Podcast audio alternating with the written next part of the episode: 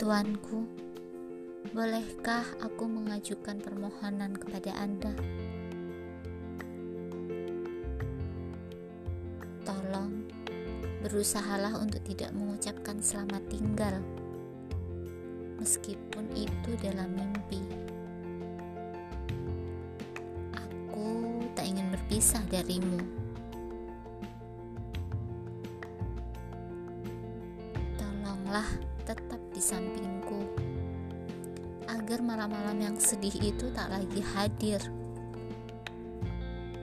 Anda adalah orang yang kutunggu selama ini.